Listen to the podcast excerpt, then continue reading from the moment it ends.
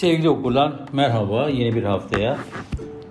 Bu haftaki yazımda e, sevgili kızımın e, bir çocuk sahibi olması vesilesiyle bu doğum meselesinin, doğum olgusunun e, felsefi anlamda e, bende düşündürdükleriyle ilgili bir deneme yazısı kaleme aldım. Umarım anlaşılırdır. Okursanız, dinlerseniz çok sevinirim. Başlık Her doğum bir umuttur. Masumiyetinin ilk olarak onda arzı endam ettiği ön kabulünden hareket ederek hayatın en gizemli eyleminin doğum olduğunu düşünmek pek mümkün. Zira masumiyetin giderek yok olduğu bir yaşam sürecinde doğum insana masumiyeti hediye ediyor. Sonrası ise iş bireyin kendisine kalıyor. Doğum bir mucizedir aslında ve bilimsel olarak yeni bir canlının nasıl meydana geldiği bilinse de o canlının belki de başka bir canlı adayının yerine dünyaya geldiği gerçeği yeterince gizemli değil midir?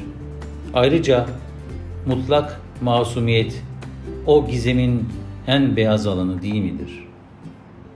Jean-Paul Sartre hepimiz bir şekilde dünyaya fırlatıldık der. Fırlatıldığımızda özümüz yoktur der. Diğer bir deyişle gördüğümüz her bir cansız nesnenin doğumunda yani yapımında bir hedefi özü varken lakin insan özü olmadan dünyaya gelir ve hayatı boyunca yapacağı seçimler ve tercihlerle hayatının anlamını, özünü oluşturur.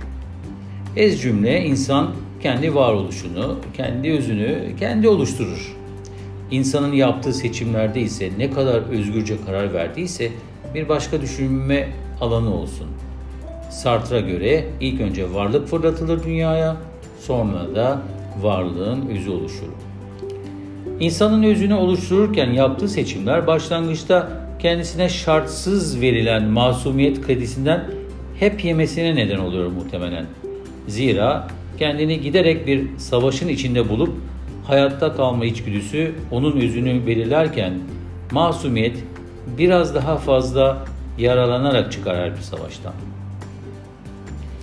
Kadim doğum yaşam ölüm zinciri filozofları her daim düşündürtürken bunların arasında en ayrıksı düşüncesi olan Rumen düşünür Emil Michel Sioran ölümün suçlusunun doğum olduğunu ileri sürecek kadar Schopenhauer kötümserliğinden bile bir hayli uzakta konumlanır. Şöyle der Sioran, ölüme doğru koşmuyoruz, doğum felaketinden kaçıyoruz. Onu unutmaya çalışan felaket zedeler olarak çırpınıp duruyoruz. Ölüm korkusu bizim ilk anımıza kadar giden bir korkunun geleceğe yansıtılmasından başka bir şey değildir. Doğuma kötü muamele yapmak tiksindiriyor bizi. Ona şüphe yok.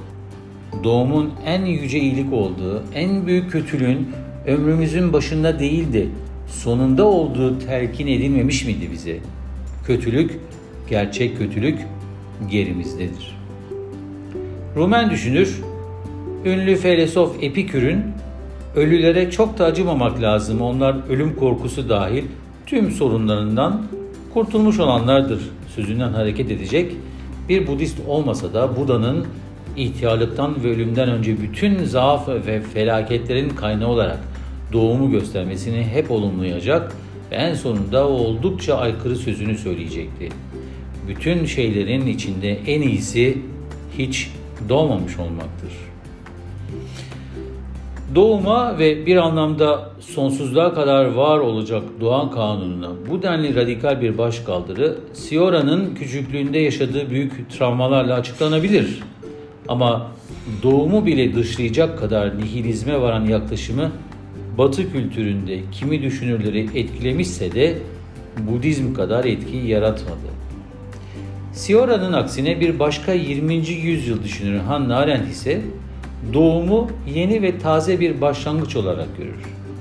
Yaşadığı yüzyılda belki de tarihin en büyük yıkımlarına tanık olmasına rağmen Arendt sürekli yenilenmeye, yeniden doğmaya ve taze başlangıçların gücüne inanan ve dünyayı bunların değiştirebileceğini düşünen bir filozof.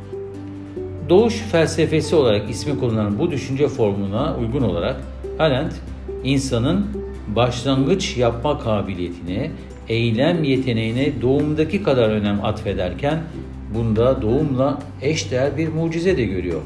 İnsanlık durum eserinde şöyle der Arendt özetli. Başlangıç diye tanımladığımız eylem özgürlüğün gerçekleşmesidir.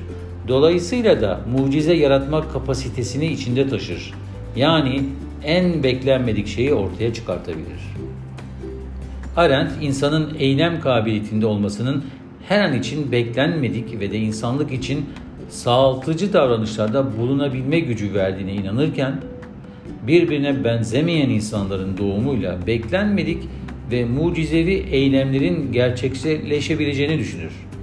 Diğer bir deyişle her insan bir mucittir ve her bir yeni doğum dünyayı ve insanlığı değiştirebilecek bir potansiyele sahiptir. İnsanın her eylemi doğumdaki mucizenin devamı niteliğindedir. Doğum nasıl mucize bir oluşum ise doğan her bir insanın yeni bir şeye başlangıç olma gücü de aynı mucizenin bir parçasıdır. Sioran ölümün veya ölüm korkusunun nedenini doğum olarak görürken Arendt ise doğumun mucizevi yeni başlangıçlar yaratabilecek mucize bir başlangıç olduğunu söyler. Aynı tarihlerde yaşamış ve aynı felaketlere tanık olmuş bu iki düşünürün doğum olgusu karşısındaki bu denli tezata düşen bakışlarını açıklamak zor olmalı. Lakin hayatı olumlamak ve ona sıkı sıkıya bağ bağlanmak adına Arendt doğan her bir bebeğe umut aşılıyor olsa gerek. Doğumun anlamı ve felsefesi yakın zamanda kızımın dünyaya bir çocuk getirmesi vesilesiyle zihnimin ana gündem maddesi olmuş durumda.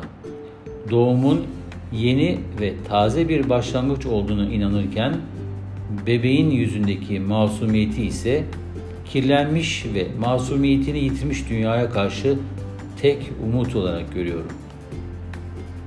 Schopenhauer insanın masumiyetini yitirmediği çocukluk dönemini hep ararken o dönemin masumiyet ve mutluluk anları olması nedeniyle sürekli olarak o kayıp cenneti özlediğini söyler. Velhasıl her doğum içinde nerelere gideceği bilinmeyen bir umut yolculuğu taşıyor. Her doğum kirlenmiş dünyaya karşı çıkacak yeni bir taze başlangıç vaat ediyor. Aksel bebeğe ve tüm yeni doğan bebeklere hoş geldin derken her birini çevresine ve insanlığa faydalı olma yolunda başarı, mutluluk ve huzur diliyorum. Unutmayın, her doğum bir umuttur.